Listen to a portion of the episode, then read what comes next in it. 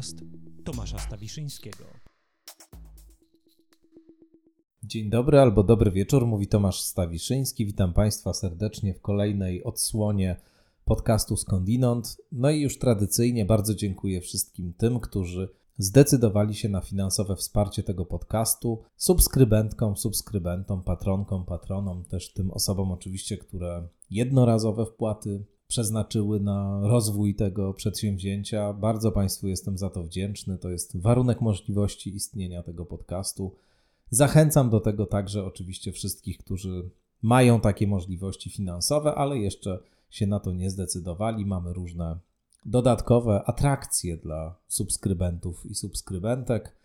Już to grupę na Facebooku, już to specjalny newsletter z rekomendacjami lekturowymi po każdym odcinku, a będzie jeszcze więcej rozmaitych takich dodatków i innych e, towarzyszących samemu podcastowi e, przedsięwzięć, więc serdecznie zachęcam do tego, żeby wspierać ten podcast. Mam nadzieję, że się on Państwu podoba. Jeśli tak jest, a z jakichś powodów nie mogą Państwo zdecydować się na wpłatę, na wsparcie finansowe, to będę też ogromnie wdzięczny za wszelkie wyrazy aprobaty przy pomocy różnych narzędzi dostępnych wyrażane. Za lajki na stronie facebookowej zachęcam do tego, żeby zalajkować stronę skądinąd podcast Tomasza Stawiszyńskiego. Zachęcam też do tego, żeby wystawiać dobre, wysokie oceny w różnych miejscach, w których można to robić, na przykład w aplikacji podcasty na iPhone'ie albo też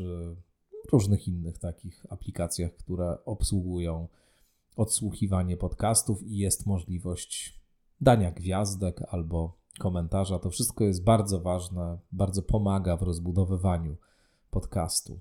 Dzisiaj długa rozmowa, więc nie przedłużam wstępu. Moim gościem i Państwa, rzecz jasna, będzie Dariusz Gzyra, filozof, aktywista, autor znakomitej książki Dziękuję za świńskie oczy, człowiek, no, ikona ruchu prozwierzęcego w Polsce piszący od lat i działający od lat na rzecz praw zwierząt, na rzecz e, weganizmu. Sam zresztą, jak Państwo usłyszą, wielo, wieloletni weganin i wieloletni także działacz na rzecz e, praw zwierząt właśnie. Rozmawiamy o wielu różnych sprawach. Pomyślałem, że przepytam trochę Darka w tej rozmowie z jego drogi, bardzo ciekawej zresztą, która się zaczęła już e, dawno temu, bo on od e, połowy lat 90. mniej więcej zaangażowany jest w tą działalność. Wtedy jeszcze tego typu inicjatywy, tego typu postawy, łącznie z samym wegetarianizmem czy weganizmem, dzisiaj już bardzo rozpowszechnionym, no wtedy należało to wszystko do jakiejś egzotyki, było trochę na marginesie. Dzisiaj ten margines w ogromnym stopniu się poszerzył, także dzięki działalności Darka Gzyry właśnie. Rozmawiamy zatem o jego drodze, ale oczywiście przez pryzmat tej drogi o całej masie różnych istotnych e, kwestii, o prawach zwierząt, o zmianie społecznej, która jest konieczna do tego, żeby los zwierząt w tej cywilizacji odmienić, o tym, jakby mogła ta zmiana wyglądać, o różnych argumentach, które się na rzecz tej zmiany przytacza o rozmaitych kontrargumentach, które wytaczają zwolennicy status quo, o tym, jak można sobie pomyśleć jakąś polityczną zmianę, która by właśnie uwzględniała to wszystko, czego się dowiedzieliśmy o zwierzętach dzięki postępom biologii, biologii ewolucyjnej, neuronauk. O podmiotowości zwierząt rozmawiamy także o różnych nurtach wewnątrz Animal Studies i o samych Animal Studies, czyli o studiach nad zwierzętami, które stanowią prężnie rozwijającą się działkę humanistyki współczesnej. I o wielu, wielu różnych sprawach, ale cała ta rozmowa wokół zwierząt właśnie krąży wokół kwestii praw zwierząt, podmiotowości zwierząt, no i oczywiście weganizmu. No cóż, Zapraszam do posłuchania rozmowy z Darkiem Gzyrą. Ja się bardzo cieszę, że on się zgodził wziąć udział w tej rozmowie, że przyjął moje zaproszenie, bo to jest też, przyznam się Państwu, człowiek, którego od wielu lat podziwiam za konsekwencje, za niesamowitą też erudycję, za świetne pióro, no i za to, że fantastycznie się z nim rozmawia. Mam nadzieję, że to moje doświadczenie fantastycznej rozmowy przełoży się także na Państwa doświadczenie fantastycznego słuchania. Bardzo bym sobie tego życzył, a teraz już przedstawiam Państwu naszego gościa, którym jest Dariusz Gzyra. Darek Gzyra jest Państwa i moim gościem. Dzień dobry, Darku. Dzień dobry. Dziękuję bardzo, że się zgodziłeś na występ w To ja dziękuję za zaproszenie. Bardzo. Wiesz, że to jest, jest tak, że to jest taki rodzaj medalu dla mnie. Nie? Jak ja za, za, zmarłym czasem na takiej tacce się niesie. Tam wszystkie, no zobaczcie jaki był urobek jego życia. Nie? Tam leżą te piękne medale. To ja oczywiście medali nie będę miał, bo nie zasłużyłem, ale będę mógł sobie położyć. No ale u Stawiszyńskiego to bywał, nie? No to ja sobie taki mój medal. Ja sobie kładę to, że Gzyra u mnie bywał w takim razie. Bardzo się cieszę, że, że możemy porozmawiać. Jak y, pisałem Ci w wiadomości prywatnej, o czym chciałbym pomówić, no, też o Twojej drodze do i aktywizmu, i y, bycia taką właściwie ikoną y, ruchu prozwierzęcego w Polsce, i też kimś, kto w pewnym momencie wzbogacił swoją, e, swoje dossier e, także o filozofię, o, o pisanie książek, e, pisanie tekstów, o organizowanie tutaj Animal Studies w Polsce. No więc jak Ci napisałem, że chciałem o tej Twojej drodze pomówić, to powiedziałeś, że musielibyśmy do siermiężnych lat 80. się cofnąć. No to się cofnijmy do tych siermiężnych lat 80. Gdzie byłeś wtedy w latach 80. i co takiego się stało, że akurat ten temat, który wcale nie był wtedy tak jakoś specjalnie obecny, czy właściwie był obecny gdzieś na marginesach kultury, Mhm. no, Ciebie dotknął, zainteresował. Wiesz, ja się zastanawiałem, jak mm, po tym Twoim pytaniu, które mi zadałeś prywatnie i mm, rozmawialiśmy przez chwilę, o czym będziemy dzisiaj rozmawiać, myślę, czy ja się w ogóle mogę do tego jakoś przygotować. Tak? Jeśli będziesz mnie pytał o lata 80., 90., co się ze mną działo, to stwierdziłem, że jedyne co mógł zrobić, to wymyślić jakąś historię na swój temat, bo ja po prostu więcej już sobie nie przypomnę, niż sobie dotychczas przypomniałem. I w jakiś sposób mam wrażenie, że pamiętam tylko część tych lat 80., niestety. Że to jest, e, to co ci opowiem, to jest jednak jakaś kreacja w pewnym sensie, wiesz, jak to jest z pamięcią. Wiadomo.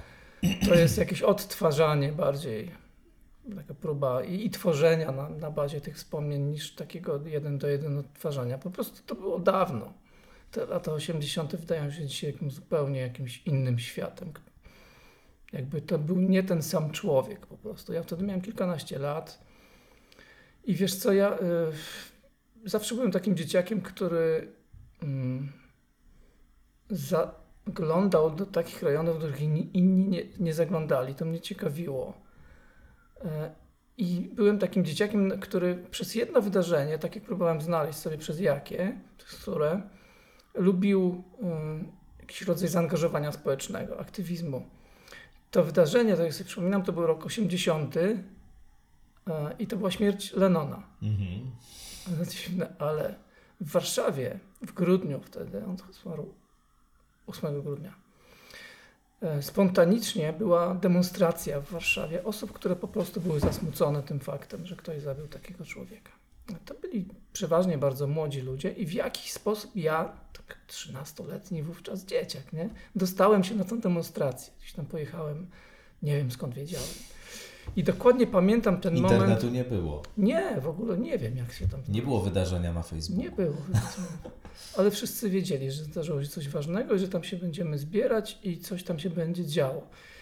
I dla mnie no wtedy się od, otworzyły drzwi na zupełnie inne, inne doświadczenia. To było doświadczenie bycia na ulicy w inny sposób niż do, dotychczas byłem, bo myśmy przeszli od Barbakanu, gdzie był tak, taki moment y, milczenia, jakieś tam zdjęcie ktoś postawił, trochę łez było, ktoś tam coś powiedział, ale później przeszliśmy aż do parku Ujazdowskiego, tam gdzie jest teraz ulica Lenona. Ona Mhm. nie wzięła się przypadkowo. To było właśnie miejsce, do którego myśmy wtedy przeszli grudniu 80 roku, Ach, to 40 stąd, lat ach, to stąd się tak, wzięło. prawie nikt nie zna tej historii. To nie jest przypadkowe miejsce. I ten moment, kiedy się idzie ulicą inaczej niż dotychczas, w jakimś celu, w reakcji na jakieś wydarzenie społeczne, w tym przypadku bardzo mm, smutną śmierć kogoś, kto był dla ciebie ważny na tym wczesnym etapie życia, kto był po prostu twoim idolem, to mnie otworzyło na taki rodzaj doświadczeń ulicznych, takiej, takiego doświadczenia czegoś społecznego i czegoś, co się wymyka tej takiej codziennej egzystencji na ulicy czy w życiu szerzej. Mhm. To było takie bardzo wczesne doświadczenie. Jakiś rodzaj wspólnoty poczułeś, Takie tak? dziwne to było, wiesz, coś, czego wcześniej nie czułeś, tak? I później miałem to samo. Szukałem być może jakoś podświadomie tego typu doświadczeń, bo one były takie dojmujące, tak? To były takie doświadczenia z dreszczem, bardzo głębokie, takie, które zostają, jak widzisz, mówię o nich po 40 latach, one naprawdę nigdy już ze mnie nie wyparują. No to jest takie dla tożsamości ważne. Mhm. I szukałem prawdopodobnie później jako dzieciak wciąż takich doświadczeń i chodziłem na demonstracje w czasie stanu wojennego, wiesz, jako dziecko. Gdzieś tam się wymykając rodzicom, nie mówiąc gdzie chodziłem, czego prawie nikt z moich rówieśników nie robił. Ja szukałem ulicy, tak? Szukałem tłumu, szukałem jakiejś idei, szukałem tego ciepła, tego gorąca idei, takiego ruchu, wiesz, takiego, nie wiem jak to określić, czegoś, co tą szarzyznę, wiesz, prze- przełamuje, prawda? Mhm. Demonstracja zawsze była czymś takim. Tam były spe- specyficzne emocje, specyficzne wizualia grupy ludzi, jakiegoś sztandaru, jakiego, jakichś zamowców, którzy stoją gdzieś na Właśnie tam horyzoncie. też było niebezpiecznie Tak, to w latach bywało 80. niebezpieczne. Nie wiem, prawdopodobnie bym pytał o zgodę, rodzice mi nie pozwolili. No bywałem na takich demonstracjach jako dzieciak, nie? To jest, myślałem, że w sumie rzadko które dziecko mm, to robiło. Pewnie starsi studenci, bo to wiemy, że tak. Czy też dzieci w, w, w innych czasach, które były zmuszone na przykład sięgnąć po karabin albo coś. Okej, ale wtedy wśród moich rówieśników to było bardzo rzadkie. I to było kolejne doświadczenie ulicy, ale już idei, pewnej idei myślenia o niesprawiedliwości, o tym, że jest jakaś forma opresji, że ktoś nie ma czegoś, co powinien mieć i że powinniśmy o to zadbać i że jest nas wielu i że czasem możemy się spotkać i zrobić coś wspólnie. To takie, wiesz, pierwsze doświadczenia, znowu bardzo ważne. No ale te lata się skończyły, zmienił się ustrój, no już nie, nie było sensu zachowywać się znowu w ten sposób, chociaż oczywiście e, Pojawiły się nowe tematy. tak, no ale troska o sprawiedliwość jakby jest wieczna i można było wciąż z- znajdować punkty nie- niesprawiedliwe, również za Balcerowicza i tak dalej. No ale ja się już tym przestałem zajmować i prawdopodobnie wtedy w, te, w tę samą potrzebę weszły właśnie zwierzęta, to znaczy przez to wcześniej już y, wrażliwość rozbudzoną kontekście relacji międzyludzkich, politycznych, jakichś tam wczesnego myślenia o tym weszły zwierzęta i Oczywiście na początku bardzo delikatnie, poprzez pierwsze lektury z lat 80., bek bardzo ubogiego wówczas rynku wydawniczego w tym kontekście. Były bardzo niewiele takich książek, a jak były, to może nie najwyższej jakości, ale i tak były formatywne jak książki Marii Grodeckiej, te pierwsze, wydawane lat 80. No i później już ten moment, kiedy to nie wystarcza, tak? czyli ten moment, kiedy chcesz coś zrobić więcej niż tylko biernie przejmować czyjeś słowa, czytać, myśleć o nich, ale też spróbować samemu coś zorganizować, czy samemu coś powiedzieć publicznie. No i tak e, wtedy mm, nastała era internetu. I to był ten moment, kiedy Mm. dołączył do tego internet, czyli ludzie zaczęli się komunikować ze sobą, którzy byli geograficznie odda- oddaleni, ale ideowo bardzo bliscy. Ja też znalazłem taką grupę osób y, i wsiąknąłem w dyskusję na ten temat, w pogłębione, coraz bardziej pogłębione dyskusje. byłeś już wtedy wegetarianinem? Byłem już wtedy wegetarianinem, tak, tak, tak. Mówimy o końcówce lat 90. w tym Mhm. momencie. Już byłem wegetarianinem od dobrych kilku lat, na granicy weganizmu, na który przyszedłem w 1999 roku, właśnie w momencie tych dyskusji internetowych, które były takim mm, mm, uniwersytetem argumentacji. Tam byli różni ludzie, którzy mieli różne pomysły i umieli ze sobą dyskutować. Często To trzeba. jest, y, no myślę, że część osób, które nas słuchają, to w ogóle nie pamięta tak dobrze tych czasów, ale część pamięta. Ja, ja na przykład pamiętam i też byłem człowiekiem, który wtedy y, podejmował próby przejścia Mhm. na wegetarianizm. Tak bym to dzisiaj określił, bo to Mhm. były kilkumiesięczne, roczne. E, Zawsze z tego z różnych powodów wypadałem. Ale jednym z powodów, dla których wypadałem, była właśnie mm, ogromna trudność, żeby na przykład w jakimś, nie wiem, w jakiejś podróży, w jakichś Okej. takich sytuacjach, w których nie mogę ze sobą zabrać, wiesz, przygotowanego wcześniej jedzenia. Mhm. E, tę dietę utrzymać. To było strasznie ciężkie, bo wtedy właściwie po pierwsze nie było praktycznie restauracji wegetariańskiej. Może jakaś tak gdzieś jedna taka była w Warszawie No, by, dziwnym bywały, miejscu. zaczynały się pojawiać. Zaczynały się Mhm. powoli, tak, e, to prawda, ale, ale no na pewno nie były w takiej skali jak teraz. No i też e, było to zjawisko niepowszechne, to znaczy na taką informację, że się nie je mięsa, no to właściwie większość ludzi reagowała jakimś takim zdziwieniem i powszechne przekonanie jeszcze było do tego takie, że robisz sobie jakąś straszną krzywdę. P- Pamiętasz ten rodzaj trudności, które, które wtedy występowały i ten rodzaj zdziwienia, e, jakiegoś takiego szoku czasami na, na twarzach innych? Wiesz co, tak, ale nie wydaje mi się, żeby to był jakiś wielki heroizm być wówczas wegetarianinem. To po prostu było czasem społecznie trudne w niektórych, jak mówisz, sytuacjach. Ale dla człowieka, który mieszkał w Warszawie, mm, wówczas y, był już dorosłym człowiekiem, który sobie ogólnie radę daje, jeśli ktoś na niego krzywo patrzy, no to, to nie było jakoś specjalnie trudne, szczególnie, że miałem tą, tę grupę znajomych właśnie, z którymi mogłem porozmawiać jakoś odreagować, jeśli cokolwiek złego się działo. Ale oczywiście były jakieś tam sytuacje trudne po drodze, ale nie tak trudne, żeby zachwiać tutaj moim postanowieniem, które no, wręcz odwrotnie wciąż się umacniało i y, właściwie to przybrało taką formę mm, y, no, bardzo aktywną w pewnym momencie. To znaczy już, już zacząłem interesować się tym, jak dostać się do chociażby do mediów, po to, żeby o tym mówić. Czyli to był nas- następny szczebel, że nie wystarczało ci, żeby osobisty twój gest to za mało. Musisz jeszcze spróbować o tym powiedzieć.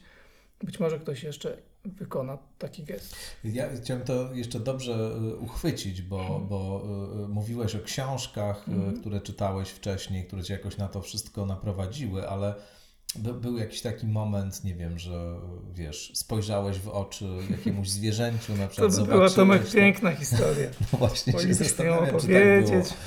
Ale nie ma takiej historii. Nie A. ma takiej historii jakiegoś pięknego spotkania z jakimś zwierzęciem, które o, zmieni, zmienia ci, wiesz, po prostu wszystko.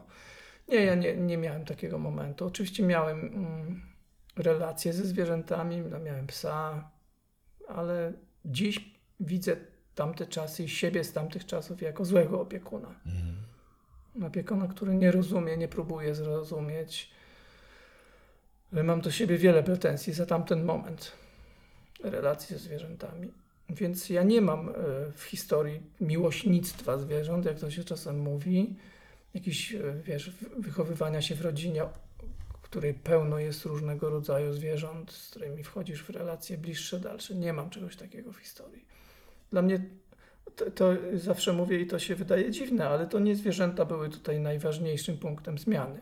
Ostatecznie to się sprowadza do, do nich, ale to w zasadzie reakcja ludzi mnie bardziej fascynowała Mhm. na krzywdę.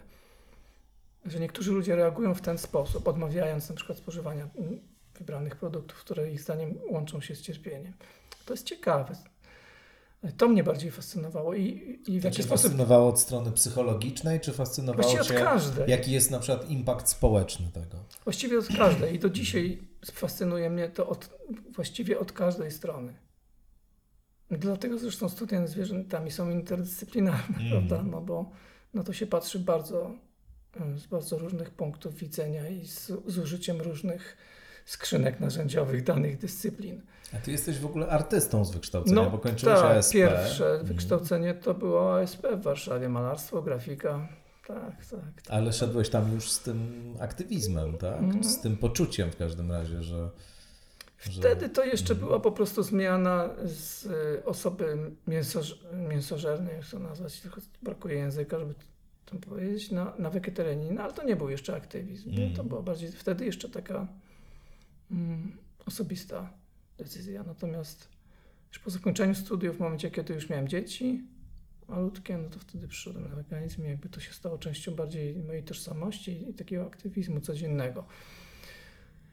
E, Więc tak mniej więcej na przełomie lat 90. i 2000. Tak, to był ten moment tak? potrzeby zrobienia czegoś więcej, czyli jakby mm, zbudowania na tej wra- wrażliwości, której no, najwyraźniej miałem, sięgając jeszcze do, do lat 80., i jakiejś takiej potrzeby kontestacji, ale też zaglądania w rejony ku- kultury, w które ludzie nie, nie zaglądają. Mówię to o guście muzycznym, czy w związku z tym z wykształceniem artystycznym o guście związanym ze sztukami plastycznymi, który, no, jakby nie patrzeć, był gustem i jest chyba wciąż nietypowym. No, tak, to mnie zawsze bawiło, tak, że taka, taka, takie miejsce w, e, w społeczeństwie, gdzie jesteś odmieńcem. Mhm. To oczywiście niesie wiele zagrożeń, stresów i tak dalej ze sobą, ale też jest fascynujące. Jest po prostu bardzo ciekawym punktem patrzenia na Tam resztę. się też właśnie bardzo mnóstwo ciekawych rzeczy Tak, dzieje. tak jak kiedyś powiedzieliśmy, to jest takie miejsce przeciągu. tak. No w tym przeciągu zawsze najciekawiej, tak? No bo nie dość, że dowiadujesz się bardzo wielu rzeczy, które potrafią czasem naprawdę zmienić twój sposób, myślenia, to ciągle musisz reagować na, na krytykę, której, którą będziesz miał jak w Mhm. banku, jeśli mówisz coś bardzo odmiennego od przyjętej normy w danym momencie i w danym miejscu. Więc musisz też y, uczyć się, mówić, argumentować, musisz więcej czytać. Ciągle musisz to robić, bo jak nie, no to po prostu bardzo szybko w piątej, siódmej dyskusji no, zostaniesz sprowadzony do, gdzie jest twoje miejsce. Ale często jest chyba też tak i to też wymaga pewnej e, odporności chyba psychicznej, pewnej konsekwencji intelektualnej, że można po pewnym czasie dać się przekonać tej drugiej stronie, która jest potężna, która jest e, głównym nurtem kultury. Możesz mieć takie poczucie, że właśnie funkcjonujesz gdzieś tam jednak mimo wszystko w takiej totalnej mniejszości, że może ci inni mają rację, może lepiej sobie nie utrudniać życia i zacząć żyć tak jak wszyscy dookoła. Miałeś takie momenty zwątpienia? Nigdy w życiu. Najwyraźniej ta, ta radość, satysfakcja, ciekawość świata wynikająca z bycia outsiderem w zas- w zasadzie zawsze e, no, przeważała. Mm. Wiesz co, ja nie postrzegałem tej swojej dziwnej sytuacji życiowej odmieńca jako, jako specjalnie dokuczliwej nigdy. Jak mówię, dla mnie to było źródło satysfakcji ciągle. Też satysfakcji intelektualnej, bo pamiętaj, że ta tematyka, do dzisiaj tak zresztą jest, jest e, często tra- traktowana tak jako tematyka którejś tam entej kategorii, tak? tak z takim drwiącym, a to jeszcze te zwierzęta tam gdzieś się plączą, tak? I ja s- na to patrzyłem zawsze inaczej, że to jest jakby taki, taki wymiar dodatkowy myślenia w zasadzie o wszystkim, który jest niespenetrowany intelektualnie, który jest przez to bardzo ciekawy, gdzie któryś, wiele rzeczy jest jeszcze plastycznych, jeszcze można zaingerować. Te pojęcia nie są do końca zbudowane, to wszystko nie jest przemyślane, przepracowane, już nie mówiąc społecznie też, politycznie i w każdy sposób. I to są takie, taka lawa, taki tygiel. To najciekawsze momenty Mhm. kultury, no bo tam się coś dzieje, to nie jest ustalone. Są jakieś tradycje, ale tradycje zwykle są dosyć mizerne, zresztą trochę już trącą myszką w tym momencie. Coś nowego, coś nowego, coś nowego, coś nowego. Ale też moment taki, kiedy zaczynasz em, mieć poczucie swojej sprawczości. Wiesz, to jest bardzo ważne, że po którymś liście, który powiedzmy w roku 2000 czy 2001 wysyłasz do mediów jako osoba kompletnie nieznana, po prostu jakiś, jakiś człowiek, który coś chce napisać w formie listu, na przykład, nie wiem, do Agory, wysyłasz tam to, do wyborczej, w reakcji na, na jakiś artykuł. I ten twój list zostaje wydrukowany. Raz, drugi, trzeci, czwarty. I mówisz, o rany, to ja, to ja mam rzeczywiście jakąś siłę, żeby, żeby móc z tym dotrzeć dalej niż, niż, niż obszar mojej kuchni. To też jest wciągające, Mhm. bo chcesz mieć tego więcej. E, I wkręcasz się coraz bardziej i próbujesz mówić to jeszcze rozsądniej, tak żeby ludzie tego chcieli słuchać. No i to zaczyna działać. Więc zaczynasz myśleć, mm, jak to się w zasadzie robi. Czy to zakłada się o jakąś organizację? No to zakładasz tą organizację w końcu. Zgromadzisz innych ludzi, próbujesz zorganizować energię tej grupy w jakiś sposób, wymyślić tą pulę postulatów, którą masz, jakoś to powiedzieć. To Stowarzyszenie Empatia się to jest to Stowarzyszenie. Empatia Mhm. 2003-2004. Widzisz, to zawsze kilka lat mija, Mhm. tak? A kolejny etap to jest kilka lat jakichś tam poszukiwań. No i od momentu, kiedy zaczynasz być już prezesem tej organizacji, no bo twoja energia jest na tyle duża, że cię rozpiera, robisz to codziennie, no więc zostajesz tym pre- prezesem. Masz obowiązki prezesowskie w związku z tym. Tak, ale to też można robić. Ja to robiłem przez 10 y, lat. No ale w pewnym, momencie, w pewnym momencie to też przestaje ci wystarczać, bo masz wrażenie, że doszedłeś do jakiejś ściany, za którą już będzie w zasadzie to samo cały czas. Będzie podobna energia, nic nowego, nie ma tego przeciągu, który tak jest kochany i taki intelektualnie satysfakcjonujący. I zaczynasz szukać dalej. Mhm. I nie wiem, 2003 13-14. Dla mnie to jest taki moment poszukiwania czegoś jeszcze i, i to jest ten moment spojrzenia w stronę akademii, w stronę studiów nad zwierzętami. Oczywiście ja pisałem przez cały ten czas, o którym mówimy, również pisałem, no ale to były teksty redagowane albo na stronę stowarzyszenia, albo jakieś okazjonalne teksty dla jakichś czasopism, czy, no ale przeważnie jakichś bardzo niszowych, ekologicznych. No ale pisałem wciąż mm. i też coraz częściej występowałem w, w mediach, e, w związku z tym zupełnie też jest tą częścią mojego życia, mówienie o tym publiczne. E, no i z tego pisania, które przez kilka lat tak trochę do szuflady, a, tak, a trochę w ramach stowarzyszenia, no wyszło to pisanie akademickie już. Tak.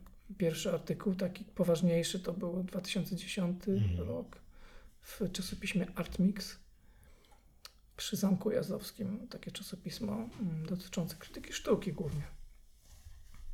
Profesor e, też Dorota Łagocka, która jest już chyba doktorem i profesor Izabela Kowalczyk prowadziły wówczas ten Artmix. Ja napisałem taki tekst, wybiórcze oburzenie o tym, w jaki sposób, czego oczekuje się od sztuki w kontekście zwierząt i dlaczego akurat mm, ją się traktuje jako chłopca do bicia, kiedy wykorzystuje na przykład martwe zwierzęta, jakieś fragmenty ciał, czy substancje, czy mm, coś, co się wydaje kontrowersyjne. Mm, Parę takich projektów y, zupełnie współczesnych w Polsce było, myślę o piramidzie zwierząt Katarzyny no, Kozery. Tam jeszcze było dodatkowo, bo to bardzo ciekawe nawiasem mówiąc, jak się mhm. możemy przy tym zatrzymać, bo, mm.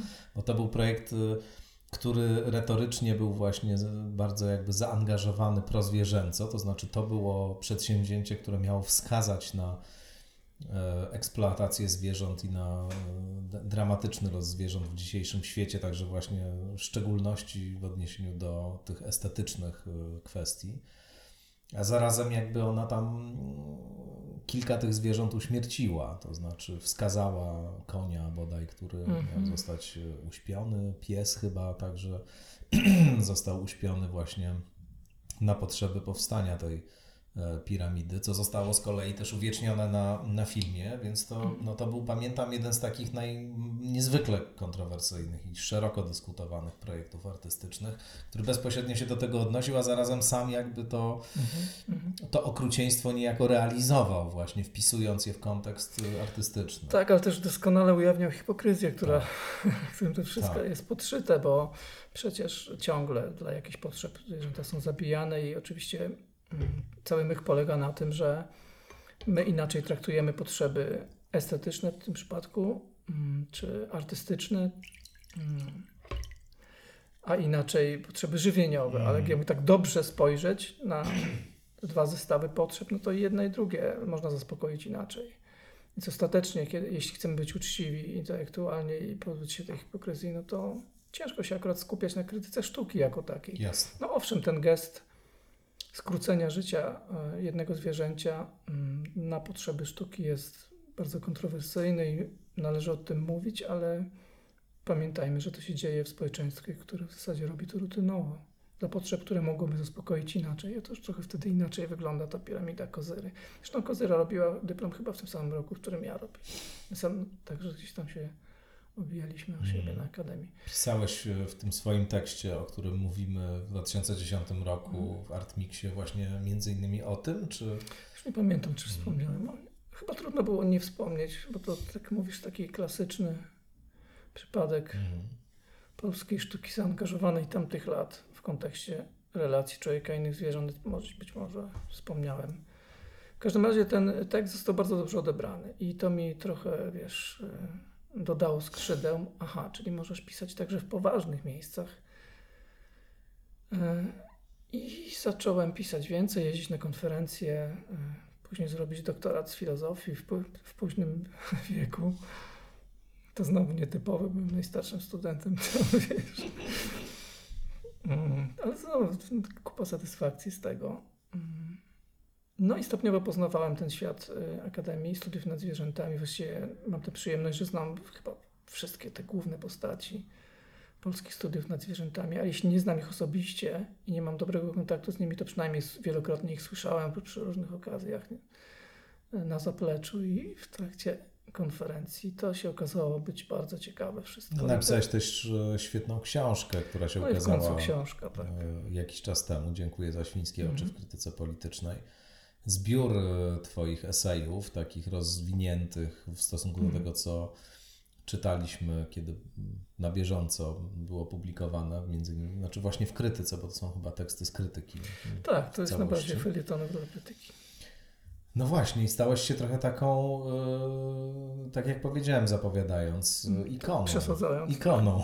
nie, no nie, nie. Myślę takim człowiekiem, który rzeczywiście, jak się myśli dzisiaj o e, jakichkolwiek tematach związanych e, z prawami zwierząt, z jakimiś kontrowersjami wokół tego typu kwestii, z weganizmem, e, to oczywiście myśli się, e, przynajmniej mi przychodzi w pierwszym e, odruchu do głowy nazwisko Darek Gzyra. Oczywiście to nie znaczy, że nie ma innych osób, które też No, działają, walczą, piszą i tak dalej. Na, naturalnie, nie chcę tutaj w żaden sposób deprecjonować, ale jednak ta twoja obecność medialna się stała niezwykle wyraźna, regularna, konsekwentna. Do tego, do tego książka, do tego e, próby organizowania tutaj e, Animal Studies. Tak, bo widzisz, znowu zdarzyło się to samo, czyli nie wystarczyło być częścią y, bierną, czyli chodzić na, na konferencje i słuchać czasem ciekawych, czasem mniej ciekawych wystąpień innych naukowców, tylko od razu weszło, weszło ten, ten moment przeciągu, tak? Czyli znowu to trzeba zrobić coś więcej, trzeba spróbować zorganizować samemu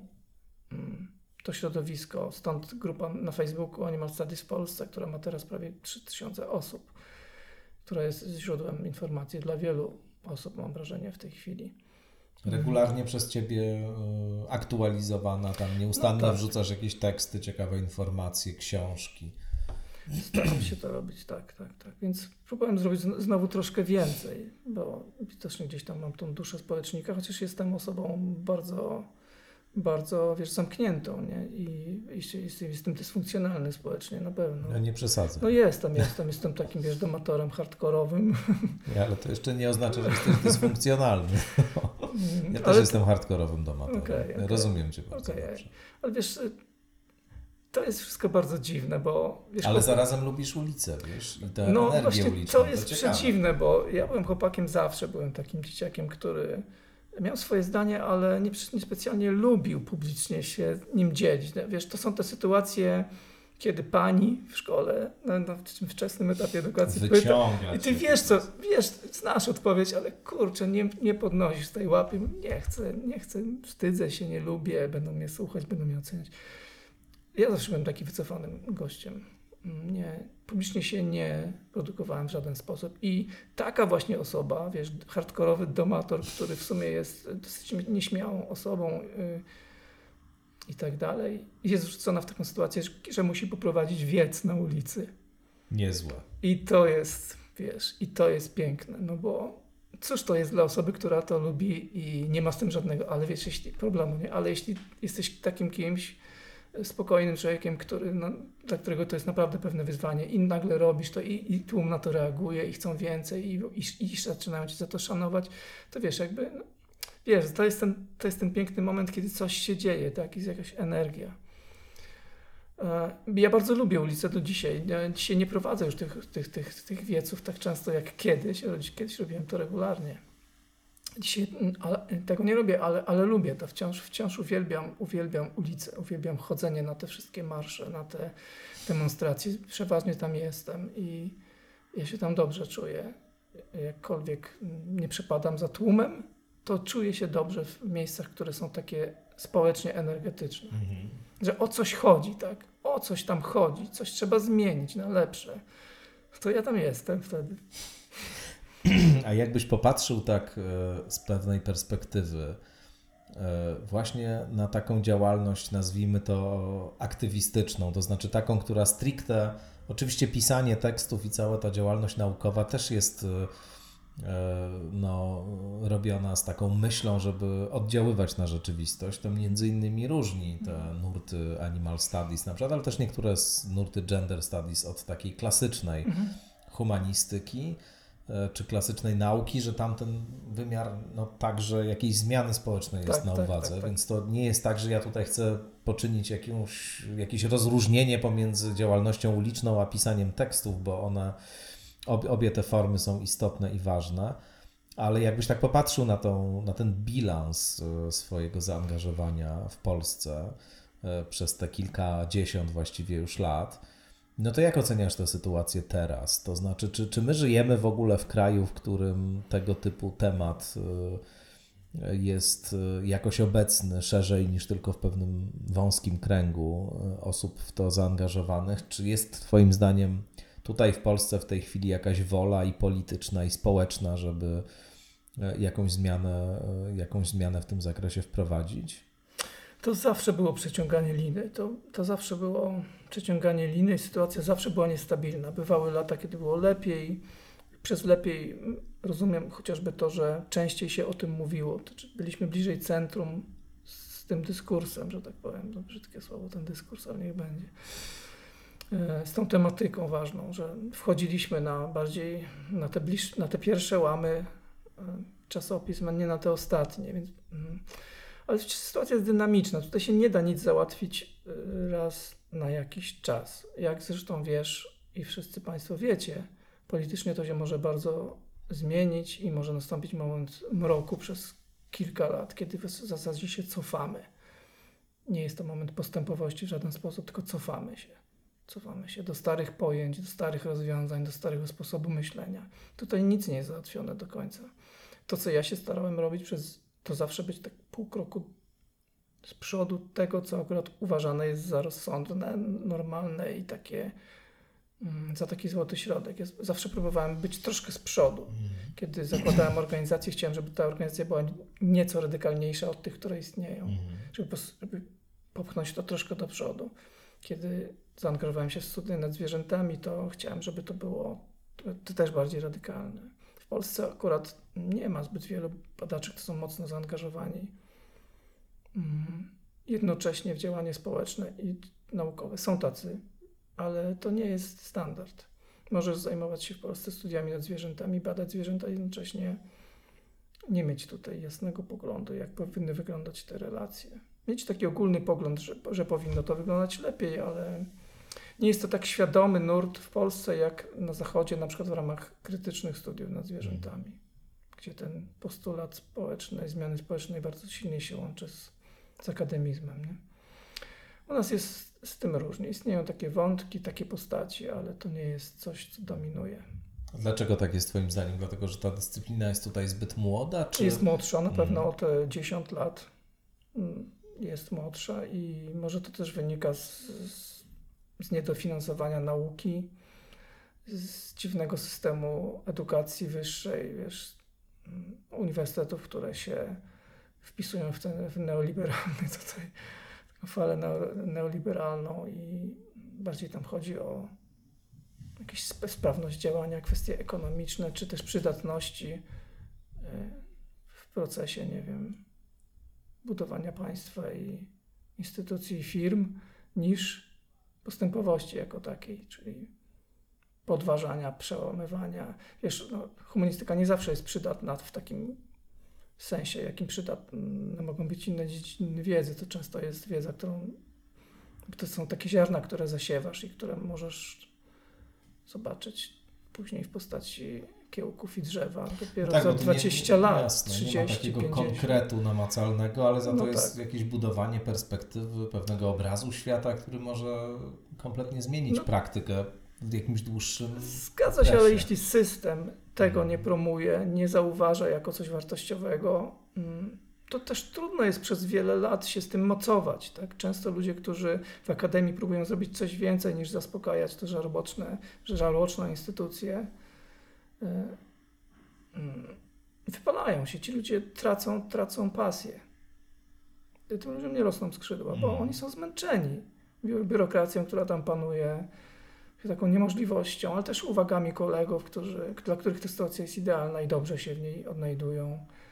Jest bardzo dużo takich opowieści akademików, którzy przestali być akademikami lub akademiczkami z wielkim potencjałem intelektualnym, z wielkim potencjałem intelektualnym. To ci ludzie, których po prostu, którzy przerośli mm. obecną strukturę edukacji, nie znaleźli się w niej, zupełnie wypadli z niej. Znam wiele takich osób. Nie jest łatwo. Nie jest łatwo, jeśli zajmujesz się też dziedziną, która no, de facto podważa status quo. No, też zajmujesz się dziedziną, która i tego typu przykłady mieliśmy. Na przykład kiedyś e, współorganizowałeś chyba Mhm. konferencję Animal Studies Polskiej Akademii Nauk. No, E, i może to za dużo powiedziane. No, Starałem się jej bronić. w tym Tak, jakoś też. no tak. W każdym razie e, ataki ze środowisk katolickich bardzo Tak. ostre były wokół tego. E, Przekonywano, że Polska Akademia Nauk no to nie jest przecież miejsce, w, której, do, w którym mogłoby dochodzić do takich radykalizmów i takich antykatolickich, antychrześcijańskich, po prostu antyludzkich przedsięwzięć. E, Tego typu głosów było bardzo wiele e, na przestrzeni ostatnich, nie wiem, 10 lat. Przypominam sobie mnóstwo i takich tekstów, i takich wypowiedzi medialnych różnych postaci z Kościołem katolickim związanych, a to jest przecież potężna siła w Polsce, które no wręcz postrzegały ten cały nurt Animal Studies jako e, rodzaj zamachu na godność osoby ludzkiej w najlepszym razie i też sam weganizm postrzegały i definiowały jako duchowe zagrożenie, jako coś takiego, co właśnie cię od pewnego właściwego człowiekowi sposobu bycia odciąga i kieruje w stronę jakichś podszeptów zgoła demonicznych. Wiesz, dworuję sobie, ale, Nie, ale ale- to jest y, też na gruncie antropologii katolickiej w jakiś sposób zrozumiałe i konsekwentne stanowisko. Tak, wiesz, to byłoby. Mm, mieliby możliwość potraktowania y, inaczej. To znaczy za, zainteresowania się tą dziedziną, tym, tym ob- obszarem badawczym, studiów nad zwierzętami i, i mogliby spróbować wejść ze swoimi ideami, nie wiem, z jakimś myśleniem bardziej konserwatywnym czy bardziej tradycyjnym, spróbować pogodzić to, przy, przy, przynajmniej spotkać się z tymi ludźmi, którzy myślą inaczej. Niekoniecznie się od tego odwracać, czy próbować to zwalczyć, ale też próbować w tym zaistnieć najnormalniej w świecie. To jest po prostu bardzo ciekawe. No spróbuj połączyć bardzo konserwatywną myśl, na przykład z, e, z kwestią, kwestią podmiotowości zwierząt, która jest w zasadzie w tej chwili już faktem tak rozpoznanym. Tutaj to nie jest kwestia oceny, tylko bardziej coś z dziedziny nauk biologicznych wręcz, tak? Takich, czy przynajmniej blisko, bardziej jako fakt niż jako ocena. E, I spróbuj, spróbuj to połączyć z tym całym swoim garbem konserwatyzmu wieloletniego, z długą tradycją odmawiania tej podmiotowości. Zrób to, podejmij się tego, napisz na ten temat, powiedz, podyskutuj, no ale to jest jakby, wiesz, bardziej wymagające, tak? To musisz mieć tę umiejętność, e, nie bać się, mieć trochę dystansu do tego, co sam myślisz, nie być fanatykiem tego, co myślisz, tylko wyjść na spotkania, no wiesz, łatwiej jest po prostu powiedzieć, no to, to śmierdzi siarką, di- diabeł spod ogona i, i trzeba to zniszczyć, no. No nie ma sensu niszczyć tak wielkiej gałęzi wiedzy w tej chwili, tak pięknej, tak, tak dynamicznej bogatej, jaką są studia nad zwierzętami. Tam przecież kawał tej wiedzy to też jest wiedza o człowieku. Nieuchronnie. Ale to jest właśnie coś takiego, co może przerażać tamtą stronę, bo jak masz taki zestaw, y, oczywiście ja wiem, że są teolodzy, teolodzy teolożki, które, którzy próbują na rozmaite sposoby jakoś y, wpisywać y, No te rewolucje w patrzeniu na zwierzęta w narrację chrześcijańską. No ale też oczywiście, jak mamy taką instytucję jak Kościół, tę całą dogmatykę katolicką, tę bardzo taką e, statyczną wizję stworzenia bóstwa, człowieka, etc., i hierarchiczną, no to ja sobie trochę nie wyobrażam, jakby to miało wyglądać, mówiąc szczerze, bo jeśli, ale to nawet nie tyle animal studies, ale w ogóle współczesna biologia pokazuje, że mamy do czynienia z kontinuum jakby w królestwie zwierzęcym. Nawiasem mówiąc słowa Sylwii Spurek o zwierzętach Możemy jeszcze o tym pozaludzkich, tak tak, to wywołało straszne oburzenie, to zabawne, a przecież to jest termin, którego się używa powszechnie od wielu, wielu lat. No powszechnie to przesadziłeś, ale, No. na, ale nie jest to nowy termin. No dobrze, to jeszcze wrócimy Nie do jest tego. nowy termin powszechnie wśród e, osób, które Tak, się zajmują tymi Tak, tak, tak. kwestiami, no ale no jak mamy tutaj jednak e, e, kontinuum pomiędzy człowiekiem a innymi zwierzętami właśnie, a nie mamy takiego wyraźnego jakościowego skoku, jaki tam jest postulowany, no to jednak cała ta konstrukcja się trochę sypie. I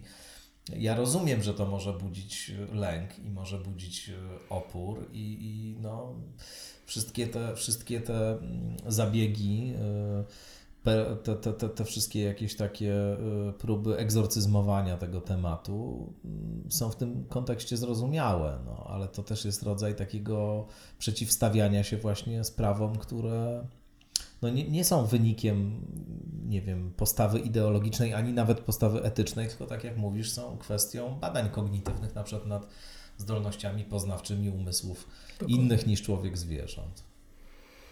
Wiesz, je- nie trzeba w ogóle rezygnować z tego dogmatu o wyjątkowości człowieka nawet. No właśnie. No przecież e, wciąż możemy pozostać przy, tym, przy tej wyjątkowości, z którą zresztą sami odczuwamy. Ja, Nie, no na pewno. ja nie mam żadnego problemu z przyznaniem, że Homo sapiens jest wyjątkowym zwierzęciem pod wieloma względami i to w dodatku ważnymi względami.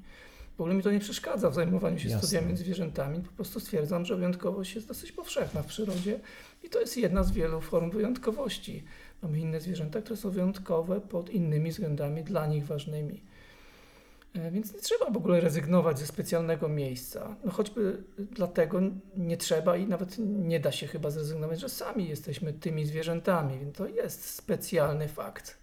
Tylko tymi zwierzętami jesteśmy i to nas ustawia w bardzo specyficznej pozycji, z której się nie pozbędziemy i nie wyjdziemy.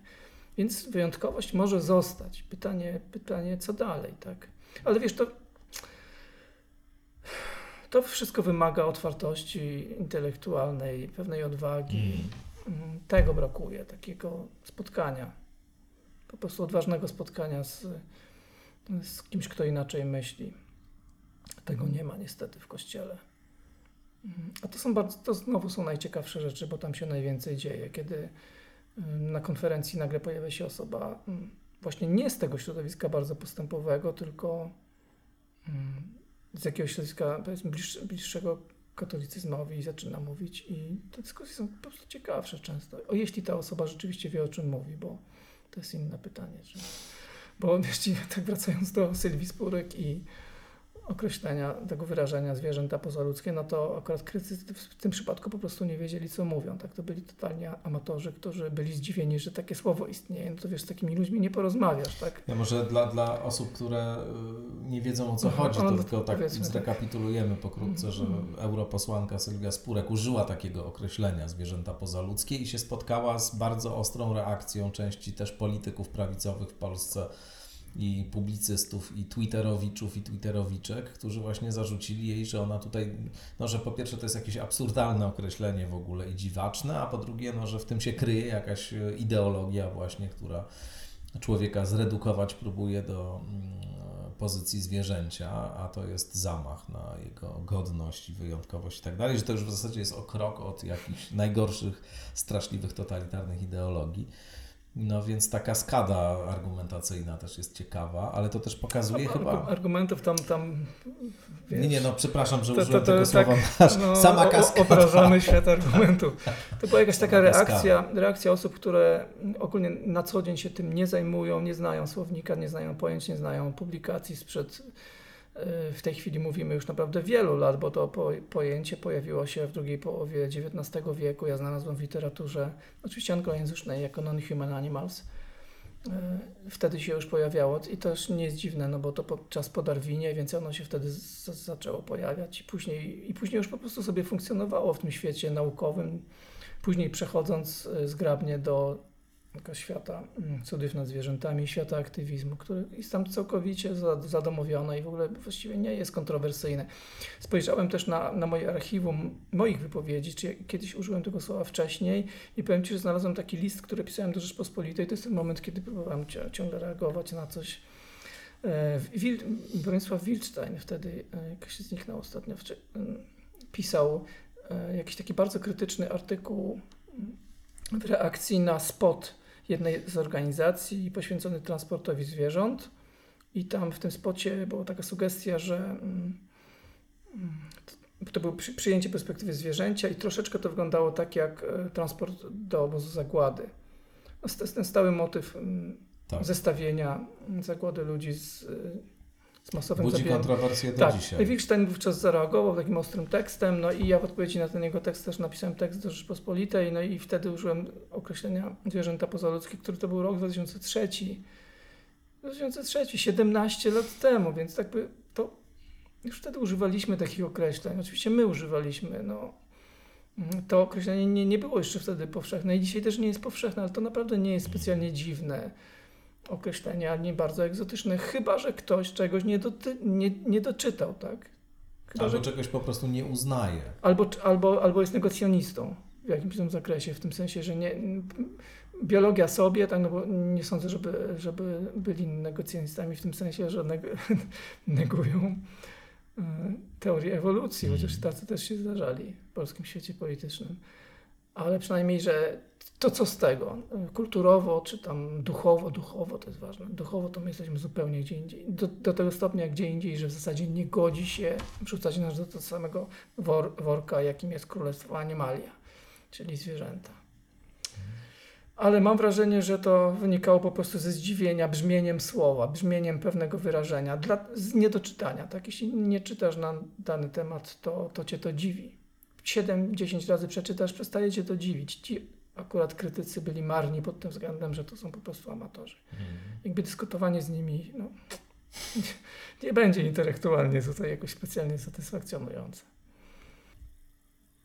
To też pokazuje chyba to wszystko, o czym mówimy, mm, ta reakcja na słowa Sylwii Spurek, ale też różne inne wypowiedzi, przygody Twoje i nie tylko Twoje, e, wypowiedzi tych osób krytycznie nastawionych do tematu, o którym rozmawiamy, niekiedy bardzo drastyczne. Dyskusje o myślistwie w Polsce też generują potężne emocje i no, filmy, które czasami trafiają do internetu, pokazujące, co tam się czasami dzieje przy blokowaniach polowań i tak dalej, to się aż włosy jeżą na głowie. Ale to też pokazuje jakby skalę takiego ogromnego emocjonalnego przywiązania do status quo. E, I to jest też chyba potężny problem w tej e, całej sprawie dotyczącej właśnie, nie wiem, upodmiotowienia zwierząt, e, uwolnienia zwierząt. Różnie pewnie można by o tym mówić, różnych używać pojęć, ale no, to jest też powiem rzecz banalną i oczywistą, ale pewien element głęboko wrośnięty w kulturę, to znaczy cała właściwie ludzka kultura oparta jest na wykorzystywaniu takim czy innym zwierząt. Nie mówię już nawet o tym, jak głęboko na przykład tradycja kulinarna jest częścią narodowych tożsamości, jak bardzo e, przywiązanie do pewnych potraw właśnie i do pewnych e, rytuałów też związanych z przygotowywaniem tych potraw jest elementem takim bardzo mocno wrośniętym w tożsamość narodową, a tożsamość narodowa w Polsce jest bardzo istotna i silna, jak sądzę. No ale to jest też w ogóle cały taki rodzaj myślenia o, o, o świecie, funkcjonowania, takiego poczucia, że e, w ten sposób funkcjonowali nasi przodkowie, e, nasi dziadowie, ojcowie, matki, babcie i tak dalej. E, No i to jest poza tym wszystkim, że to można różnie uzasadniać i można budować rozmaite koncepcje religijne i prawne i filozoficzne, które to uzasadniają, to to jest taka totalna inwestycja emocjonalna, myślę. I chyba to jest e, taki, no nie wiem czy największy, ale jeden z największych problemów, e, z którymi też na pewno się stykałeś nieraz i się stykasz cały czas. Mm, Wiesz co, to po prostu ma związek z taką warstwą materialną. Też już pomijając te kwestie toż- tożsamościowe, mentalne i tak dalej, to jest to część e, po prostu życia większości osób. W takim najprostszym rozumieniu No właśnie. codziennego życia, bo kiedy zaczynamy mówić na przykład o miejscu osób nieheteroseksualnych w społeczeństwie, jak ich traktować tak czy inaczej, to mówimy o czymś, czego znaczna część społeczeństwa może nigdy nie doświadczyć, znaczy nie poznać takiej osoby, nie mieć z niej Tak. kontaktu, nawet przelotniego. Kiedy mówimy o kwestii eksploatacji zwierząt, mówimy dokładnie o wszystkich. O wszystkich nas, w jakiś sposób dotykających tego problemu poprzez naszą lodówkę, nasze buty, mm, tapicerkę w samochodzie i tysiące, dziesiątki tysięcy różnych substancji i, i okoliczności, w których dotykamy cierpienia zwierząt. Więc to mm, jest bardzo mocno wszyte nie tylko w kulturę, w tą, tę wyższą kulturę, w sensie literatura, cała tradycja, czy duchowość gdzieś tam z tym związana i tak dalej, czy polityczne i państwowe kwestie z tym związane, ale również takie zwykłe. I te są najgorsze do przewalczenia, moim zdaniem, bo to często jest związany po prostu z nawykiem. Takim czymś kompletnie nieświadomym, nie, co nie jest poddane refleksji z zewnątrz, czego się nie zauważa poprzez to, że to jest właśnie takie normalne. Także to jest, eksploatacja zwierząt to jest synonim normalności dzisiaj. To jest takie, nie, nikt już nie nazywa tego eksploatacją, ale to nie znaczy, że jej nie ma. Ona jest nienazwana, niewyjawiona w takim codziennym, powszednim życiu zwykłych ludzi, którzy w jakiś sposób ją wspierają mm, na różne sposoby. Pieniędzmi, czy brakiem reakcji, czy językiem, którym mówią i na wiele innych sposobów.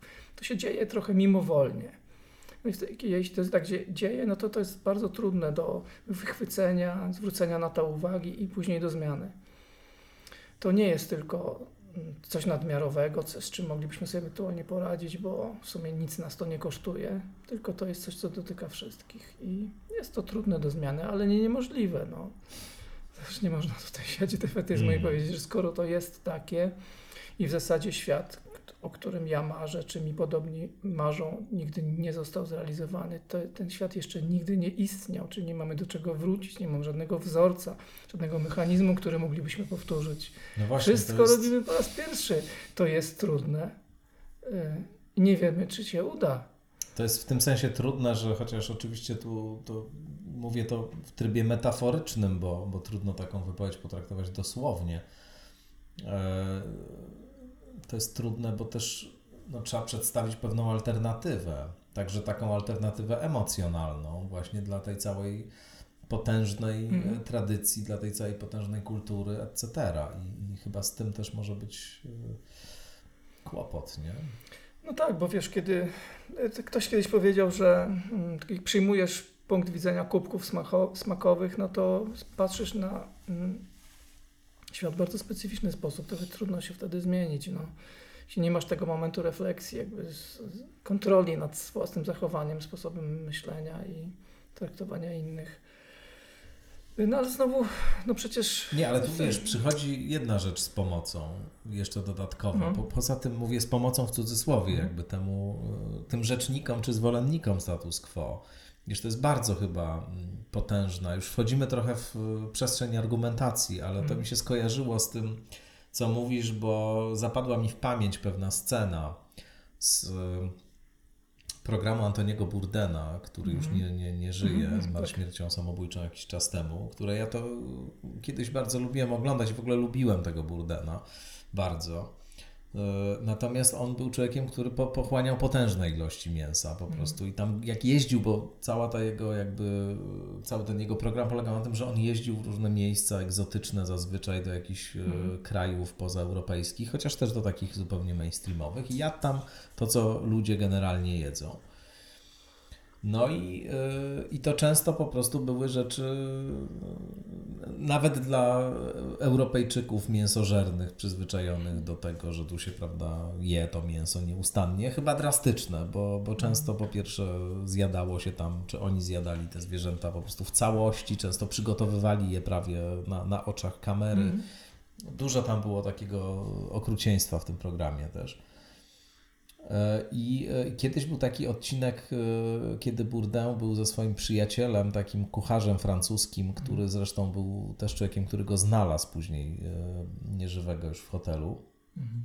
buddystą, który wprawdzie przygotowywał te wszystkie mięsne dania w swoich restauracjach, ale no, miał bardzo poważne opory wobec mhm. tego i już był na takim etapie wychodzenia właściwie z tego jedzenia mięsa. No i właśnie po, po, po, pochłonął burdę jakąś potężną porcję, mm. potężną porcję mięsa, stali, rozmawiali ze sobą. No i ten przyjaciel mówi no tak, no ale zobacz ile tutaj jest y, cierpienia, śmierci, ile jest takiego zupełnie niepotrzebnego okrucieństwa wobec tych zwierząt i że się odżywiamy tymi zwłokami i tak dalej. A on mówi cycle of life, Bourdain, cycle of life. No, oni nas zjadają, my ich zjadamy, cycle of life. To jest bardzo popularna e, argumentacja i taki bardzo popularny sposób myślenia o tych sprawach. No tak, no wszyscy się tutaj zjadają, no to my też zjadamy. Tak zwane usprawiedliwienie przez tak. odwołanie do odwiecznych praw natury, tak z tym, że wiesz o tym dobrze, że e, wszyscy się którzy się do nich odwołują, robią to bardzo w wybiórczy sposób. Do niektórych z tych praw, y, owszem, się będą odwoływać, kiedy bronią swojego sposobu życia, ale inne uznają jako zupełnie w kulturze nie, niedopuszczalne. Mówiliśmy kiedyś w Twojej audycji o tym, że dzieciobójstwo nie, nie jakkolwiek jest naturalne w przyrodzie pozoludzkiej, nie uważa się za stosowne współcześnie, za dopuszczalne. Moglibyśmy uważać. To w sumie ten sam model argumentacji, no przecież to się odbywa. To jest cykl życia.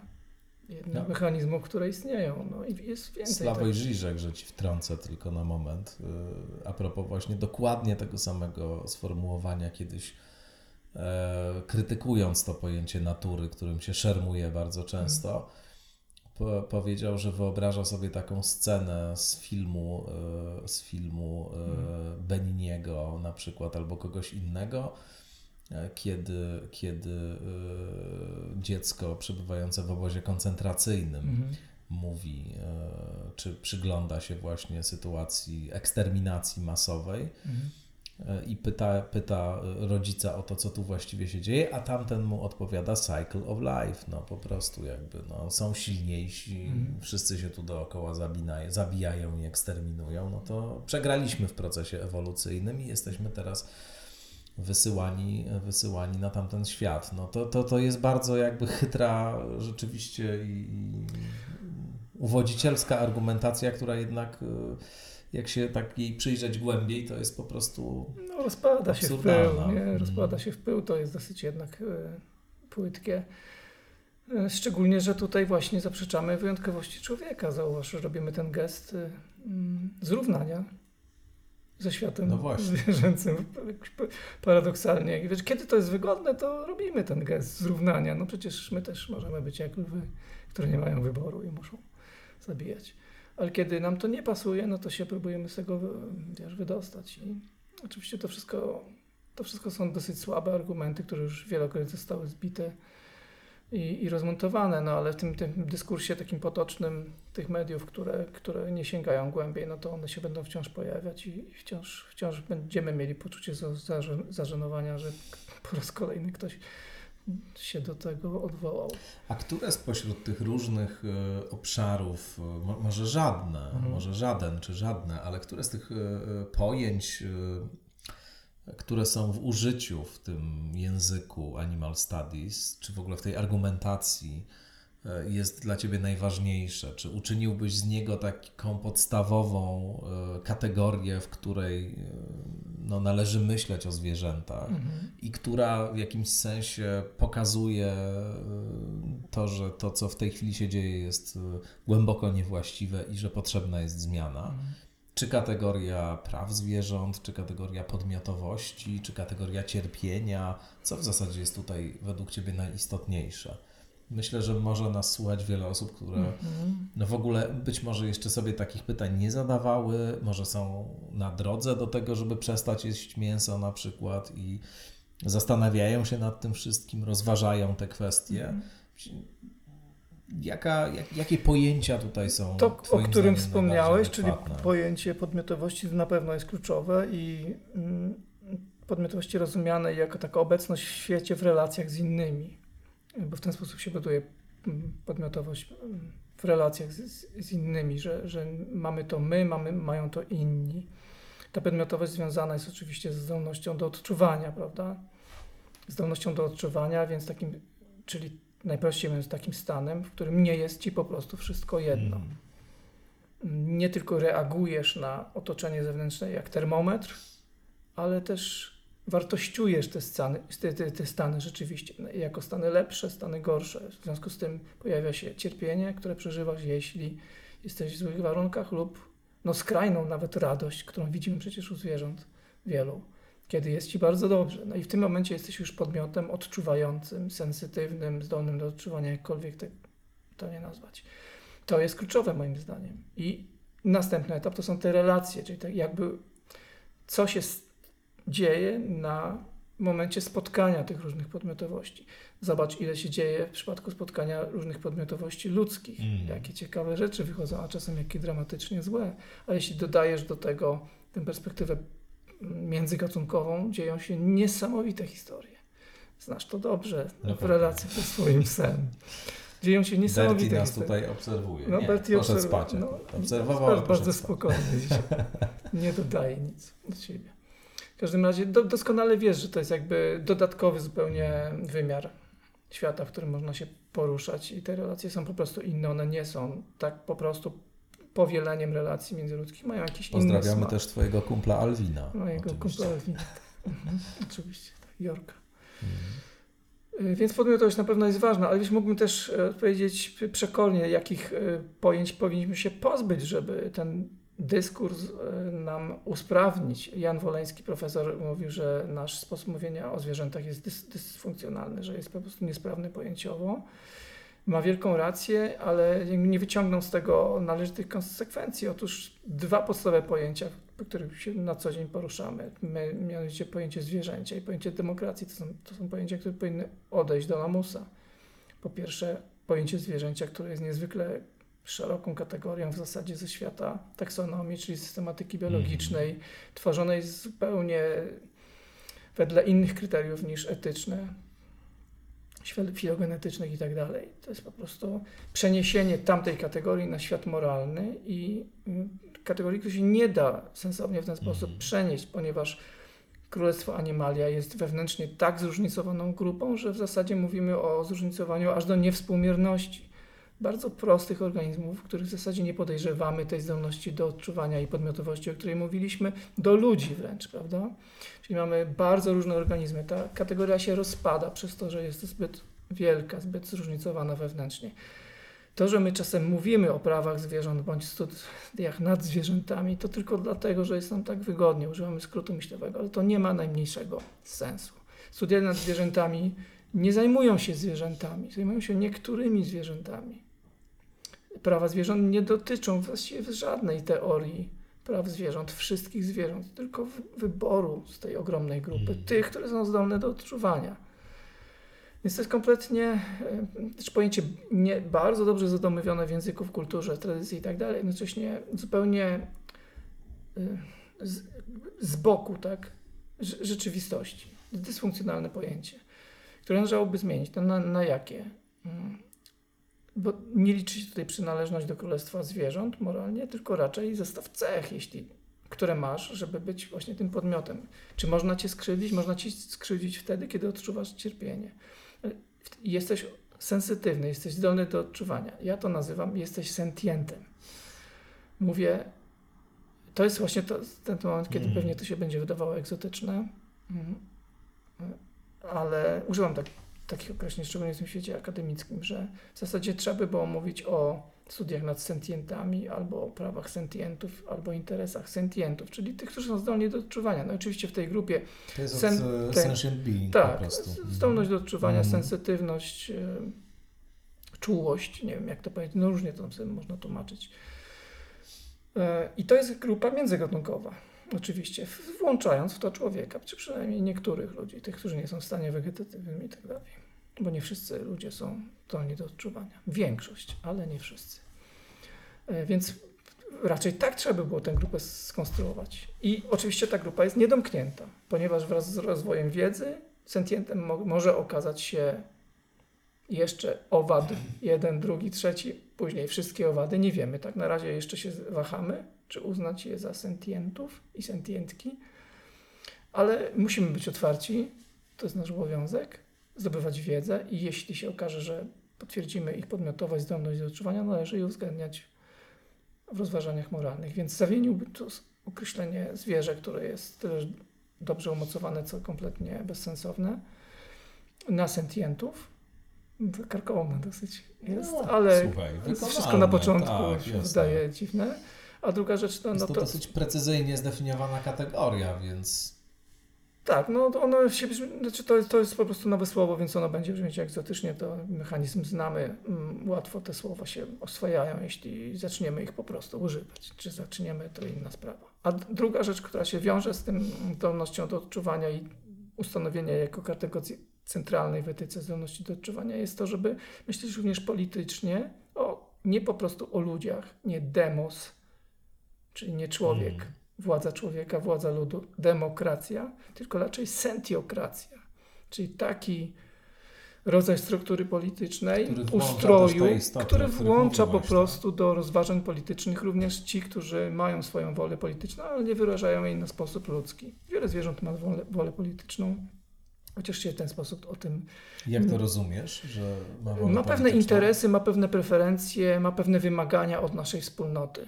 Mm. Nie jest im znowu wszystko jedno. Mhm. Powinniśmy uwzględnić ich preferencje, y, wymagania, interesy. Niektórzy mówią prawa w naszym myśleniu politycznym, no ale wtedy już nie byłaby to demokracja. Nie byłaby to po prostu władza ludzi dla ludzi, poprzez ludzi i o ludziach, tylko raczej myślenie szersze, uwzględnienie relacji międzygatunkowych. To jest arcyciekawe. O tym się zaczyna mówić i to mówi się, powiem Ci, w tych lepszych rejonach Aha. uniwersytetu, gdzieś tam w Aha. Oksfordzie, czy w Cambridge, czy w jakichś dużych, fantastycznych, opiniotwórczych ośrodkach. Mówi się o polityce sentiokratycznej już w tej chwili. Wydaje się na ten temat książki. To jest bardzo ciekawe, bo to dotyka w ogóle istoty y, myślenia o tym, znaczy może inaczej, reakcja na ten pomysł albo y, przewidywania co do tego, na ile on jest w ogóle prawdopodobny, żeby zaistnieć. Przypuszczam, że mogą zależeć od sposobu, w jaki się postrzega w ogóle y, politykę, no bo istnieją takie bardzo cyniczne wykładnie mm, polityczności, polityki, jako jednak czegoś, co dyktowane jest przede wszystkim interesami ekonomicznymi różnych e, zaangażowanych w nie stron, a dyskurs jest po to, żeby pewne rzeczy ewentualnie uzasadniać, to znaczy jakby wiesz, albo przykrywać jeszcze. No i istnieją jednak takie podejścia, w których się myśli o tym, że to, że mamy tutaj do czynienia z jakąś wyraźną zmianą na lepsze i ten postęp etyczny, nazwijmy to, nie bierze się wyłącznie z tego, że kapitalizm się tak przeformułował, że bardziej się opłaca dzisiaj na przykład nie prowadzić wojen albo nie wiem, nie zachowywać się w sposób okrutny. No i wtedy to by było tylko dlatego, że tego nie robimy, że rzeczywiście uważamy, że tak nie należy, więc to wtedy tym drugim wariancie no byłoby całkiem do pomyślenia tego rodzaju zmiana. Szczeg- szczególnie, że myśmy się tak bardzo zagalopowali w nieuwzględnianiu podmiotowości i implikacji etycznych tego faktu, że w zasadzie zaczynamy szkodzić sami sobie poprzez, poprzez masową eksploatację, globalną eksploatację zwierząt. No tak, tu jeszcze ten To jest jeden z czynników, z czynników Mhm. y, no właśnie, tych kwestii, wpływu na klimat. Bardzo ważny, więc podstawowych czynników. A więc dotyka to ostatecznie nas samych, więc w tym sensie no, to też czysta pragmatyka podpowiada, że musimy tutaj coś zmienić. Ale wiesz, tak sobie myślę, że jakkolwiek to się może wydać dzisiaj znowu takie utopijne i tak dalej, no to e, mamy pewne mechanizmy już w demokracji nawet, które pozwalają nam uwzględnić głos takich osób, które nie wyrażają bezpośrednio woli Mhm. politycznej. Mówię to na przykład o dzieciach. Przecież ich e, interes, preferencje, wymagania od naszej wspólnoty też są uwzględnione w jakiś sposób. Nie w sposób bezpośredni, bo ani w gminie dzieci nie są dopuszczone do głosów na, na zebraniach, ani w parlamencie. Ale, ale ten głos jest uwzględniony poprzez dorosłych, poprzez jakichś tam powierników, przedstawicieli ich woli politycznej. No, można zastanawiać, na ile małe dzieci mają wolę polityczną, ale w tym sensie ją mają. No, mają jakieś wymagania od nas. Nie jest wszystko jedno, co się z nimi dzieje. Na podobnej zasadzie, podobnej, można by było uwzględnić głos innych zwierząt. W kontekście polityki miejskiej to jest całkowicie ogarnialne i zrozumiałe. Przecież w zasadzie częściowo to robimy. Kiedy robimy politykę lokalną na poziomie kamienicy czy osiedla i uwzględniamy w naszych naradach w klubie osiedlowym, że jednak zostawimy otwarte te okienka dla kotów wolno żyjących, no to robimy dokładnie to. Gdzieś tam mamy z tego jakieś korzyści, ale też uwzględniamy ich wolę, tak? No bo jeśli zamkniemy te okienka, no to biedaki umrą, kiedy będzie mróz. Potrafimy to już robić na pewnym małym poziomie, albo budując przejścia pod y, autostradami dla zwierząt wolno żyjących poza miastami, albo próbując budować y, infrastrukturę, fasady budynków w taki sposób, żeby ptaki zdezorientowane nie rozbijały się, nie zabijały gdzieś tam już zaczynamy to robić, tylko nie mamy tego zwrotu takiego mm, strukturalnego, systemowego, żeby po prostu to robić wszędzie, kiedy możemy, kiedy mamy dostatecznie dużą wiedzę. Tego nie ma. No, nie ma elementów woli politycznej, tak? Nie ma na przykład tego w programie partii. Gdzieś tam w programach partii, na tyle, na ile to obserwuję, staram się to robić dosyć wnikliwie. Są zwierzęta obecne coraz częściej, to trzeba przyznać, ale wciąż to jest takie bardzo delikatne, wycofane, dotyczące w zasadzie tylko tych elementów eksploatacji zwierząt, które łatwo odrzucić relatywnie łatwo, typu wykorzystywanie zwierząt do rozrywki w cyrkach. No wiesz, można to zrobić w miarę szybko. Mm, Tutaj Od tego się już to, odchodzi. tąpnięcia nie Mhm. będzie, bo tu wie, niewiele osób jest ekonomicznie zainteresowanych, to nie jest jakiś wielki przemysł, tutaj nie, nie wymaga to, wiesz, wielkiego zachodu. No takie rzeczy to w zasadzie prawie każda, każda partia, no wyłączywszy Konfederację i okolice, uznaje już za normę. No ale nie ma takiego myślenia, dopuśćmy wolę polityczną zwierząt w ogóle, no bo oczywiście to wymagałoby tego, co, o czym cały czas mówimy, czyli no, głębokich zmian, tak? Również zmian funkcjonowania samych tych polityków. Mhm. Myślę, że dopiero następna fala polityków będzie taką, która zacznie to traktować poważnie. Dziś tam Sylwia Swórek jest, jest taką iskierką, która być może e, rozpali to mocniej. A jak patrzysz w ogóle na taką ekspansję weganizmu e, w Polsce, w Warszawie przede wszystkim, no, no Mhm. we wszystkich e, statystykach, zestawieniach takich stolic europejskich najbardziej przyjaznych e, e, weganizmowi, to Warszawa zawsze jest w czołówce. Pamiętam, że kiedyś nagrywałem rozmowę e, z Peterem Singerem, e, Mhm. którego nazwisko jeszcze nie padło w sumie, ale Mhm. to taka postać też końcu zasłużona musiało. niezwykle, tak musiało paść. Wyzwolenie zwierząt, no to taka bardzo, bardzo e, też ikoniczna książka z lat 70. jeszcze. Nagrywałem z nim rozmowę i później e, pojechaliśmy e, autobusem e, wspólnie. Tam on gdzieś jechał do centrum, więc wskazałem mu odpowiednie adresy. Bardzo to było przyjemne przejechać się z Peterem Singerem 116, wiesz, bardzo No. fajna sprawa. Tak. Uczyłem się z jego książek na Potrafię to studiach, czytałem i tak dalej, to Mhm. nagle jadę z nim 116. W każdym razie y, rozmawialiśmy chwilę właśnie o tym y, i on y, z racji tego, że często tę Polskę odwiedzał z powodów rodzinnych, Tak. takich też związanych ze znajomymi, których tutaj ma, no to mówił, że właśnie widzi tę niesamowitą eksplozję właściwie tego, tych Mhm. knajp wegańskich i tego, że nagle się tutaj strasznie dużo takich rzeczy zrobiło i że to napawa jego serce wielkim optymizmem. Jak ty na to patrzysz? To, to też jest taka moda w tej chwili chyba, co ma swoje dobre i, e, i, i mniej dobre strony, rzecz jasna. No ale to wydaje się od tej strony tylko patrząc jakiś rodzaj no, bardzo pozytywnej e, przesłanki, które każe właśnie patrzeć w przyszłość z optymizmem, ale może to jest taki rodzaj właśnie nadmiernego optymizmu, to znaczy, że jak tylko na poziomie tego się buduje ten obraz e, całościowy, to, to może on jest właśnie wcale nie taki adekwatny. To jest jeden ze wskaźników. Powiedziałbym, że to nie jest najważniejszy wskaźnik, ale ważny. Mm, Również w sensie ekonomicznym, że skoro takie miejsca istnieją, jak również y, no, bogata oferta w tej chwili żywienia, e, znaczy ży- żywności mm, roślinnej dla wegan, no to znaczy, że ktoś to chce kupować. No, oczywiście wiemy, że większość to kupują nie weganie. Te osoby, które opcjonalnie czasem mm, sięgają po, po tego typu pożywienie. I to też jest ok, to też jest ważne, bo, chociażby dlatego, że się z nim uswajają. Stwierdzają, że jest smaczne i wygodne i wcale nie jest takie drogie. Więc gdzieś tam się z tego cieszę. Mam jakąś taką satysfakcję. Czasami idę ulicą i tak się trochę po... śmieję. Tak mówię, chłopie, czy ty to widzisz gdzieś tam z, y, z perspektywy właśnie tego 1999 No tak. roku? Zobacz, gdzieś tam ci się to śniło, tak? I zawsze chciałeś, żeby tak było.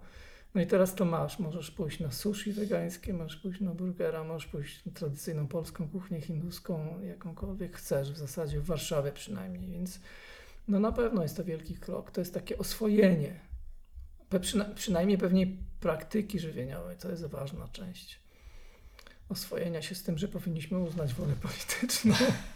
Znaczy, To naprawdę jest, to jest ważne, tak? No bo tak jak mów, mówiliśmy o tym przecież dzisiaj, że tu właśnie jest to miejsce blokady, tak? Że w takiej praktyce życiowej, codziennej jest miejsce blokady. Mm, Związanej z nawykami, smakami dzieciństwa i takimi potrzebami bardzo, bardzo codziennymi. Więc w momencie, kiedy masz już narzędzie, żeby zamienić te stare nawyki na podobne, podobne, podobnie satysfakcjonujące, ale roślinne, no to jest, to jest ciekawe. To jest ciekawe, ale znowu nie, nie jest to dane raz na zawsze. Knajpy powstają, knajpy mogą upaść. To trzeba jednak umocować to Mhm. znacznie głębiej w kulturze niż na poziomie jednej, drugiej czy dziesiątej knajpy, no bo Mówimy tu o zmianie kulturowej, naprawdę znacznie poważniejszej, która nas czeka, jeśli chcemy potraktować zwierzęta poważnie. A te knajpy będą po prostu jedną z emanacji tej nowej kultury, mam nadzieję. Na pewno widać trend przesuwania się tej tematyki i praktyki życiowej, która za tym idzie, czyli weganizmu, czy jakiejś form ograniczania w kierunku centrum. To widać, no to bez, bez wątpienia. Widać to także poprzez rozwój studiów nad zwierzętami w Polsce. Więc mamy wiele wskaźników, które mówią, że tak, no robimy jakiś postęp. Oczywiście, kiedy zestawisz tempo tego postępu z y, dramatycznymi zupełnie statystykami, które wcale nie chcą bardzo drgać, jeśli chodzi o ilość, liczbę, przepraszam, zabijanych zwierząt, no to hmm. mówisz sobie, to jednak wszystko trwa, mm, trwa za długo. A jeszcze jak dodatkowo mm, weźmiesz pod uwagę te katastrofistyczne, y, takie to myślenie klimatyczne, że zostało nam 20 czy tam 50 lat, no to mówisz sobie, że to naprawdę w tym tempie no to tak. po prostu nie zdążymy nawet wejść do przedsionka tej nowej kultury, nie mówiąc e, o poważniejszej zmianie. Więc na pewno powinniśmy przyspieszyć z różnych względów. A jak twój jadłospis wygląda codzienny?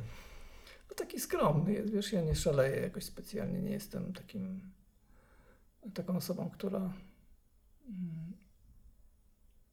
je bardzo egzotycznie albo mm, nie wiem jak to powiedzieć. Pytam też z myślą o takich osobach, które rozważają na przykład mhm. Przejście na weganizm i nie, się zastanawiają. Takim, co... Ja to zawsze nazywam takim zwyklackim weganizmem, tak swoje określenie, który moim zdaniem jest takim najbardziej przyswajalnym przez y, wszystkich innych. A na śniadanie co jesz? Przeważnie jakieś pieczywo z pastami, z jakimiś dodatkami, warzy, warzywami, owocami tak dalej, orzechami.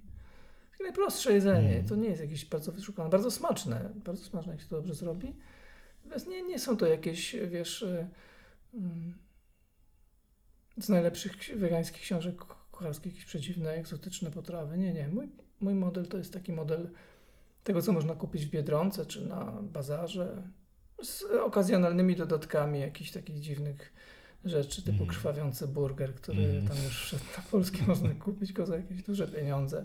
Czasem można coś takiego kupić, ale na co dzień w zasadzie bardzo skromnie, bardzo, bardzo prosto, ale to naprawdę nie kosztem smaku, nie? bo to wciąż jest bardzo smaczne i czy y, jakoś specjalnie tę dietę swoją komponujesz? Nie, na tym etapie po, po 20 tak latach tak nie, ja w ogóle o tym nie myślę, nie, nie, nie, nie.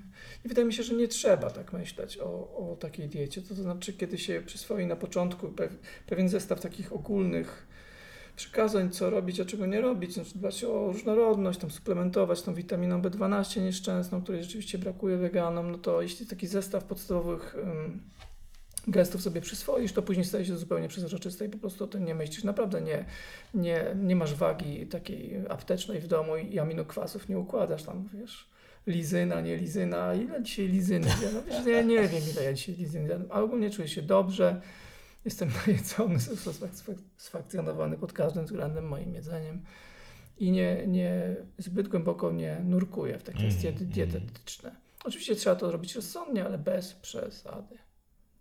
I wydaje mi się, że to jest też w tym w sensie społecznym rozsądne, bo ludzie chyba nie lubią w ten sposób jeść, licząc.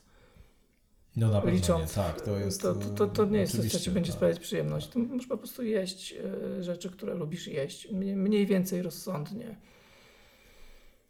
Możesz to zrobić w ramach weganizmu, ale też kiedy patrzę dzisiaj na fenomen weganizmu, który zresztą jest badany e, przez akademików w ramach e, studiów nad weganizmem, które w Polsce się już zaznaczyły od kilku lat, są seminaria na ten temat. Bada się właśnie postać weganina we współczesnej kulturze, jak on sobie daje radę, jak, jak, jakie reakcje wzbudza to jak patrzysz na fenomen weganizmu, chociażby w kontekście dietetycznym tylko, to jest to szerszy fenomen, ale część dietetyczna jest jego ważną częścią, no to widzisz, że te mm, wzory konsumpcji wegan są bardzo różne. No, od, od, takiego food porn, wiesz, kiedy po prostu robisz no, kompletnie artystowskie jedzenie z jakichś składników, które są en, en i w ogóle, mm. do takiego naprawdę biedronkowego jedzenia Mm, jest bardzo dużo tych wzorów. To nie jest jeden wzór jedzenia. I jeszcze jak doda, dodasz do tego w zasadzie wszystkie techniki kulinarne, które są do wykorzystania, od smażenia, fermentowania, gotowania, czy jedzenia surowych rzeczy, no to ta różnorodność jest na tyle ogromna, że w zasadzie różne osoby o różnych potrzebach kulinarnych, estetycznych mogą się tam doskonale znaleźć. Tak. I to jest oczywiście bardzo dobra wiadomość, że to nie jest tylko coś dla osób, które są bardzo zainteresowane zdrowiem. No naprawdę możesz jeść bardzo niezdrowe rzeczy i wciąż być weganinem, jeśli tylko chcesz. I to jest twój model żywienia, możesz to robić. Właśnie, możesz to robić. No możesz, możesz, tak. Darek Gzyra, bardzo dziękuję. Dziękuję Ci za zaproszenie. Dziękuję też Państwu. No i oczywiście zapraszam do kolejnych odcinków Skądinąd. Do usłyszenia.